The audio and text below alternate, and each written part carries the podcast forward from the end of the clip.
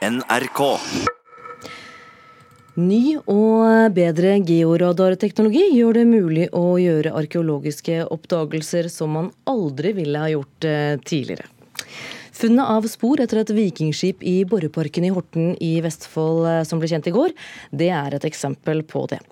Arkeolog Knut Påske mener den eh, teknologiske nyvinningen kan føre til en rekke nye vikingfunn de neste årene. Nei, I dette feltet her hadde man ikke funnet noe uten det, for dette er et fredet område. og Her er det ingen som hadde tenkt å sette spaden i jorda.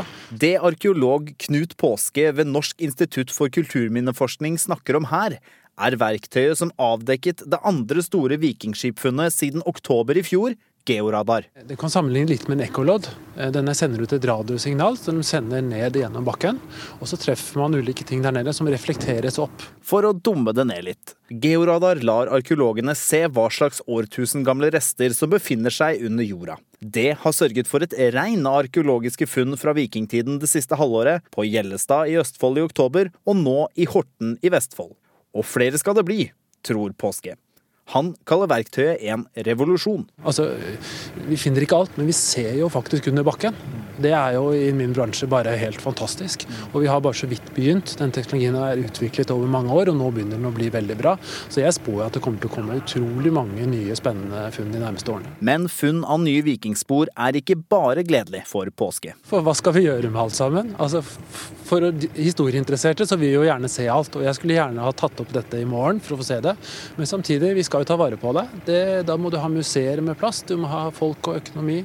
Eh, konserveringsteknisk kan det være veldig vanskelig, så vi må nok ha litt måtehold og være litt forsiktige før vi nærmest river ting opp på bakken. De siste årene har det vært ropt varsko om tilstanden til store deler av kulturarven fra vikingtiden.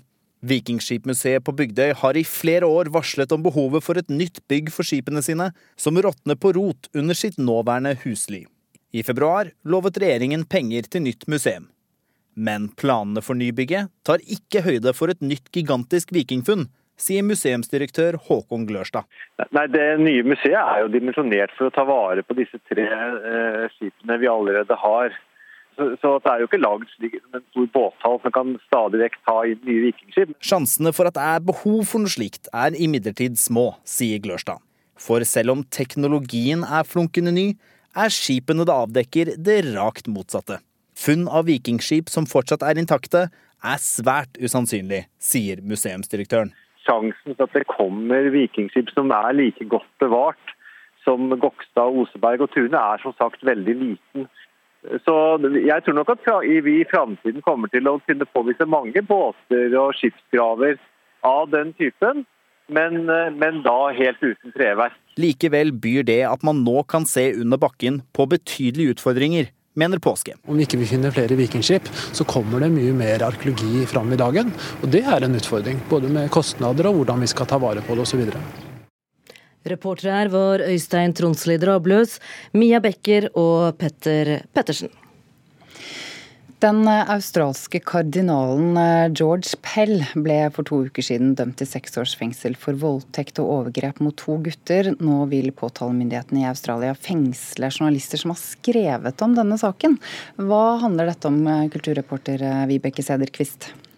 Australsk påtalemyndighet krever fengsel eller bøter for 23 journalister som anklages for å ha brutt et publiseringsforbud i denne saken.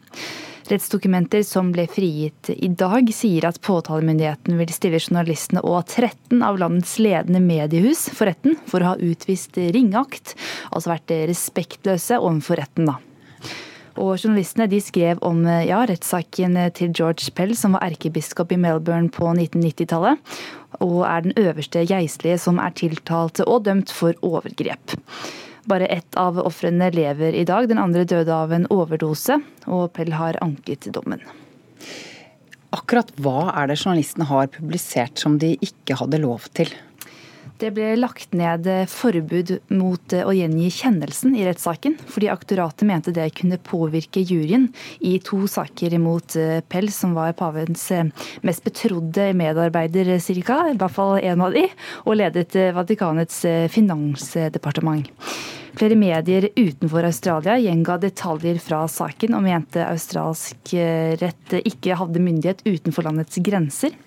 Mens flere australske medier i landet publiserte overskrifter der de sa at de ble sensurert, for de ønsket å gjøre leserne sine oppmerksomme på at mediene ikke fikk lov til å rapportere om en sak de mente hadde offentlig interesse. Da. Ja, det høres jo litt spesielt ut til å være Australia, dette her. Hvem er det egentlig som nå er stevnet for retten?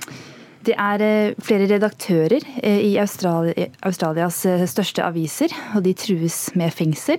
I tillegg så er landets ledende mediehus stevnet for retten, som etter planen settes 15. april. Takk, kulturreporter Vibeke Sederquist.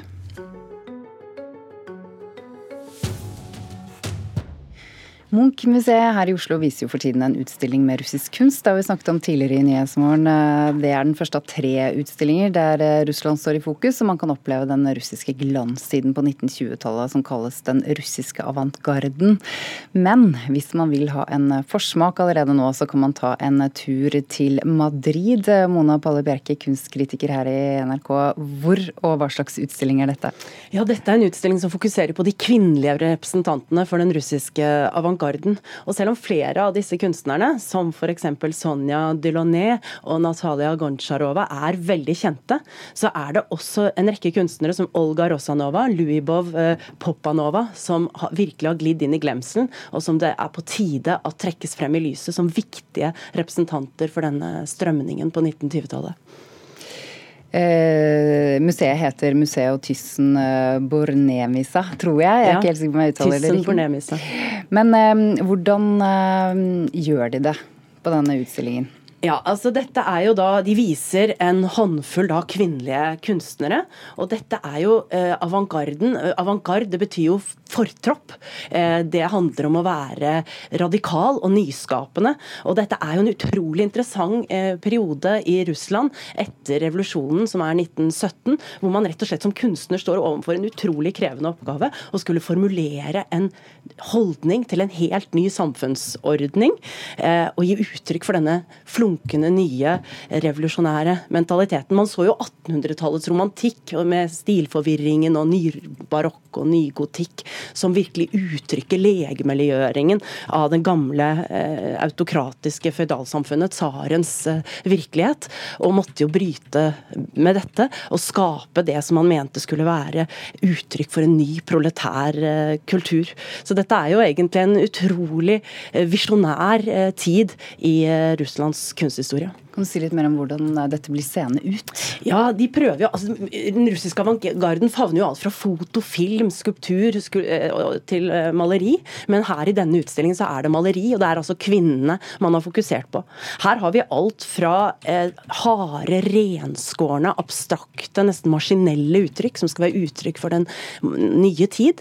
Men også da i et rikt fargespekter noe, mens andre med svart-hvitt og bare innslag av kanskje primærfargene. Og så er det også figurkomposisjoner. Natalia Gontsjarova skaper et grovt, forenklet uttrykk som henter inspirasjon fra folkelig tresnitt, men også fra de ekspressive graffitiuttrykkene som de fant i soldatenes forlegninger.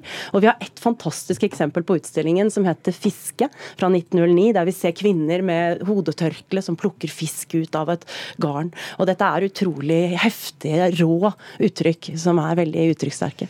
Er det verdt da å ta denne turen til eh, Madrid for å se dette? Ja, det er en utrolig utrolig formsterk eh, utstilling, hvor også utstillingsdesignen snakker veldig aktivt med den russiske avantgarden. Og hvis man da er i Madrid likevel, så kan man gå og se også en annen glemt avantgarde på museet Rena Sofia, nemlig den latinamerikanske, med kunstnere fra Argentina, Mexico og Peru, altså 1920-tallet. Takk, kunstkritiker Mona Palle Bjerke.